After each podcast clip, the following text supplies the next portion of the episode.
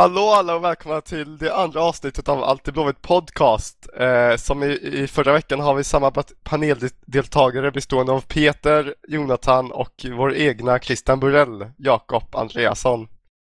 Välkomna alla. Tackar. Tack så mycket. Tackar, tackar. Eh, dagens stora chock, eller chock och chock, men eh, stora nyhet angående Blåvitt är ju absolut Bjärsmyrs varvning eh, som presenterades idag. Eh, vad har du för tankar kring övergången Peter? Det är ju lite eh, delade tankar. Eh, dels så vet man ju hur eh, bra Bjärsmyr kan vara. Men samtidigt så vet man inte statusen på honom just nu. Han säger själv att han behöver tre veckor att träna upp sig. Och jag är lite rädd för att det ska bli en ny Kalle Svensson. Stora förhoppningar och lite, lite verkstad så att säga. Eh, jag har hört att eh, han provtränade hos Råda i Holland och eh, de nobbade honom på grund av hans alldeles för dåliga form. Eh, kommer han bli en ny Kalle Svensson, Jakob? Nej, jag tror inte risken är så stor att, han, eller att den, eh, risken är stor att han skulle bli en Kalle Svensson. Däremot så tror jag risken är större att han lämnar oss eh, ganska snabbt. För så som kontraktet är skrivet med ganska kort tid och utköpsklausul om jag förstått det rätt och dessutom att han själv har signalerat att han vill utomlands så, så är det här ingen långsiktig värvning. Det, det känns som det är en kortsiktig förstärkning men eh, som ger Bjärsmyr goda möjligheter att lämna om man ska få ett bättre anbud eh, inom en rimlig tid. Men eh, Jonathan, kommer han vara som en backup i början nu under hösten eller har du förhoppning att han kommer gå in i startelvan direkt nu?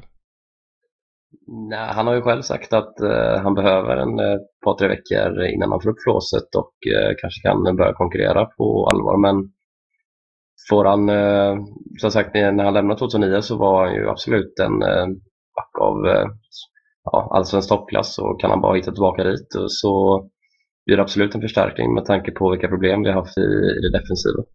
Och det är ju en, ledare, det är ju en ledargestalt så ja, varför inte? Han har ju själv sagt att han hoppas bidrag med lite stake så att... Bjärsmyr i form är alltså helt given i IFK tycker jag. Absolut. Peter? Ja, jag tror också.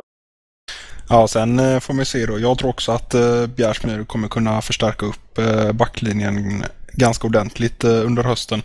Om några månader eller så. Och då kan vi faktiskt, från att i somras ha gått från att spela med tre mittfältare som backar gå till att ha ett av kanske allsvenskans, eh, på pappret i alla fall, starkaste, mm, starkaste försvarare. Så att det ser väldigt eh, lovande ut faktiskt.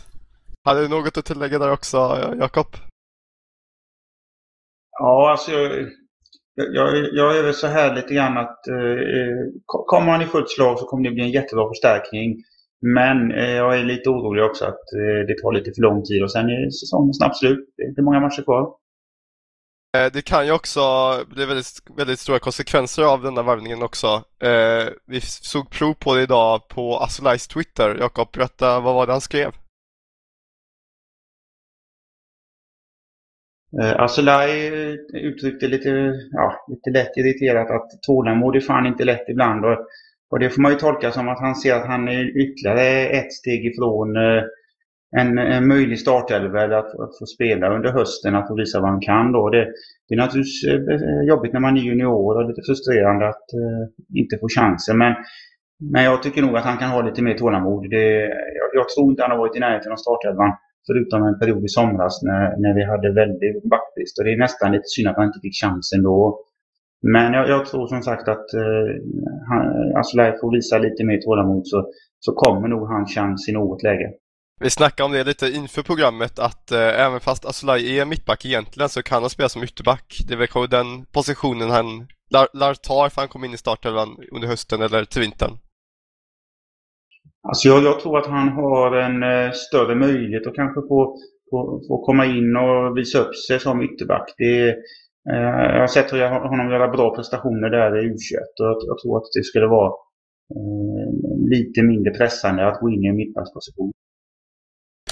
Och sen får man eh, även, det är många som har kritiserat Håkan Mild här nu under sensommaren men det här kan han nu ha löst ganska bra genom att han eh, lånade ut eh, Per Eriksson eh, inför nästa säsong och öppnade då upp löneutrymme och bara några dagar efter det så fyllde han det löneutrymmet med Bjärsmyr så att det är ju genomtänkt i alla fall ekonomiskt eh, värvningen.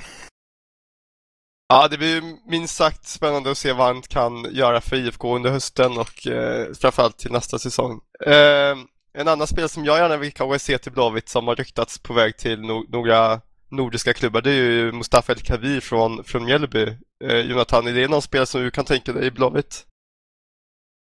Ja, alltså jag har inte jättestor koll på El Kabir förutom kanske den eh, senaste sessionen han var i eh, Mjällby för cirka ett år sedan. Och alltså det är ju en, eh, det är en bra anfallare liksom, allsvenska mått mätt. Han är bra avslutare, han är snabb, han är ganska stor och stark. Så att, eh, varför inte? Men jag har inte hört något rykte om att han ska vara på väg till Blåvitt så det är ingenting som jag eh, funderar på. Men eh, visst, om det blir tal om det så är jag absolut inte främmande för det. Det hade säkert varit en bra förstärkning. Eh, Blåvitt spelade sin sista match i söndags mot Kalmar FF. Eh, förlust med 3-0 och eh, det var ganska många eh, förändringar i startelvan inför match. Bland annat Filip Haglund som spelade bakom Tobias Hysén som startade som striker för första gången på länge och Sobralense flyttades ner till, till, sin, till en kant. Jakob, du blir lite upprörd över det positionsbytet eller? Jag blev jättebesviken. Jag tycker vi har lagt så otroligt många matcher nu under sommaren att liksom hitta rätt positioner för killarna. Vi har förlorat så otroligt många poäng innan vi har listat ut att Eh, Sobralense ska spela anfallet, att Tobbe ska spela på kanten. Och sen väljer man en uppställning med liksom helt nya positioner med Haglund har inte fått spela anfall en enda gång den här säsongen. Och varför skulle man göra det just i den här matchen? Jag, jag tyckte man kastade bort tre poäng och jag tappade lite grann eh, förtroende. Det känns som att vi, vi kastar bort allt vi har jobbat upp under året. Eh, eh helt värdelöst. Men det inte jag riktigt förstår heller det är ju att Stare sa väl eh, i en intervju, var det dagen efter, att eh, de gärna får ut av eh, just det här om bytet då med Haglund som släpade anfallare, att han skulle komma in i boxen och de skulle komma mer på inlägg. Men då förstår jag inte riktigt att varför man sätter Sobralensi i en fri roll på kanten för vänsterkantspelet i den matchen fungerade inte alls just tack vare att Sobra Sobralens drev väldigt mycket in mot mitten och då blev det alltså Sobralense, Farnur och Gerzik på en väldigt liten yta och det blev så himla trångt och plottrigt så det, då fanns det inte bara Selakovic att slå de här inläggen och jag vet inte hur många han slog, två kanske på hela matchen. Så det, ja, jag, jag förstår liksom inte riktigt hur, jag förstår vad de tänkte men jag förstår liksom inte syftet med det hela. Så det, ja, jag är fortfarande eh, grubblar på detta. Så det... Nej, det, jag håller med. Det var väldigt, väldigt märkligt och jag förstod inte heller riktigt eh, tanken bakom det hela. Eh, jag tycker för, för övrigt att det var den sämsta matchen vi spelade efter sommaruppehållet och eh, det var, var, inte någonting som stämde kändes, kändes det som. Peter, eh, ja, vill du ha någonting att tillägga? Ja, jag pratade ju med Stare då dagen efter och han var ju enormt besviken på hur eh, spelarna uppträdde och hur de spelade av, eller spelade av helt enkelt andra halvlek. Han var ganska nöjd med hur vi genomförde första halvlek. Att vi hade, enligt honom då, jag har inte kollat statistiken själv, men vi hade fler omställningar än Kalmar. Men eh, alltså, han, han har ju en bra tanke på pappret men den genomfördes ju inte i eh, verkligheten. Tyvärr. Det har riktats en del kritik eh, mot Stare nu och, och tycker att, det är, att hans tid är förbi, vilket var ganska väntat inför säsongen att det skulle väckas röster när det har gått så här dåligt. Eh, Jonathan, det var en av de som gick ganska hårt mot Stare. Vad, tyck, vad tycker du om Stare? Alltså jag var positivt inställd till eh, Stare från första stund kan man säga. Jag och eh, Jakob, eh, vi körde en intervju med Stare, när var det? Var det i oktober förra året var det va? Och redan där så kände jag att det var, alltså det är en väldigt kunnig person han kan väldigt mycket fotboll och han har en tydlig idé om hur han vill att sitt lag ska spela och han har en tydlig filosofi. Men det har ju faktiskt inte fungerat och jag vet inte riktigt om han har någon stolthet men det känns som att han nöter på, nöter på, nöter på. Visst, det kanske man ska göra men samtidigt så kan man inte säga att ett lag, ja, det tar en säsong för ett lag att spela in sig för att Blåvitt har ändå under Stades eh, ledning spelat nu sammanlagt en 30 matcher. Så att det, ja, jag vet inte, det, jag känner själv att det, det händer ingenting och det kanske börjar bli dags för Håkan Mild att svälja den här stolten och kolla, kolla, kolla sig lite runt och vad som finns på marknaden. Även om jag fortfarande tycker om Stare men jag känner inte att han är rätt person på Blåvitt längre faktiskt. Jag är också lite tvetydig till Stare. Jag kan gilla han hur han vill spela men han får inte ut det ur spelarna just nu. Han säger en sak och så ser man en annan på plan, vilket är väldigt tråkigt. Sen tror jag inte att han kommer att varken avgå eller få sparken, utan han kommer ju minst få köra en säsong till. Eh, enda anledning till att han kommer att få sparken, det är om eh, Blåvitt ramlar ur. Sen är det lite också det, visst att han är nöjd med första halvlek mot Kalmar, men ska man vara ärlig, vi hade inte ett avslut på mål och jag vet alltså, jag förstår inte riktigt vad man kan vara nöjd med. Att man kan spela tiki-taka-fotboll i en trekamp trekant på mittfältet, det ser ju säkert jättebra ut men fotboll handlar ändå om att komma till avslut och göra mål och det lyckades inte Blåvitt med i första halvlek och ändå säger Sara att han var väldigt nöjd och att de ska fortsätta köra.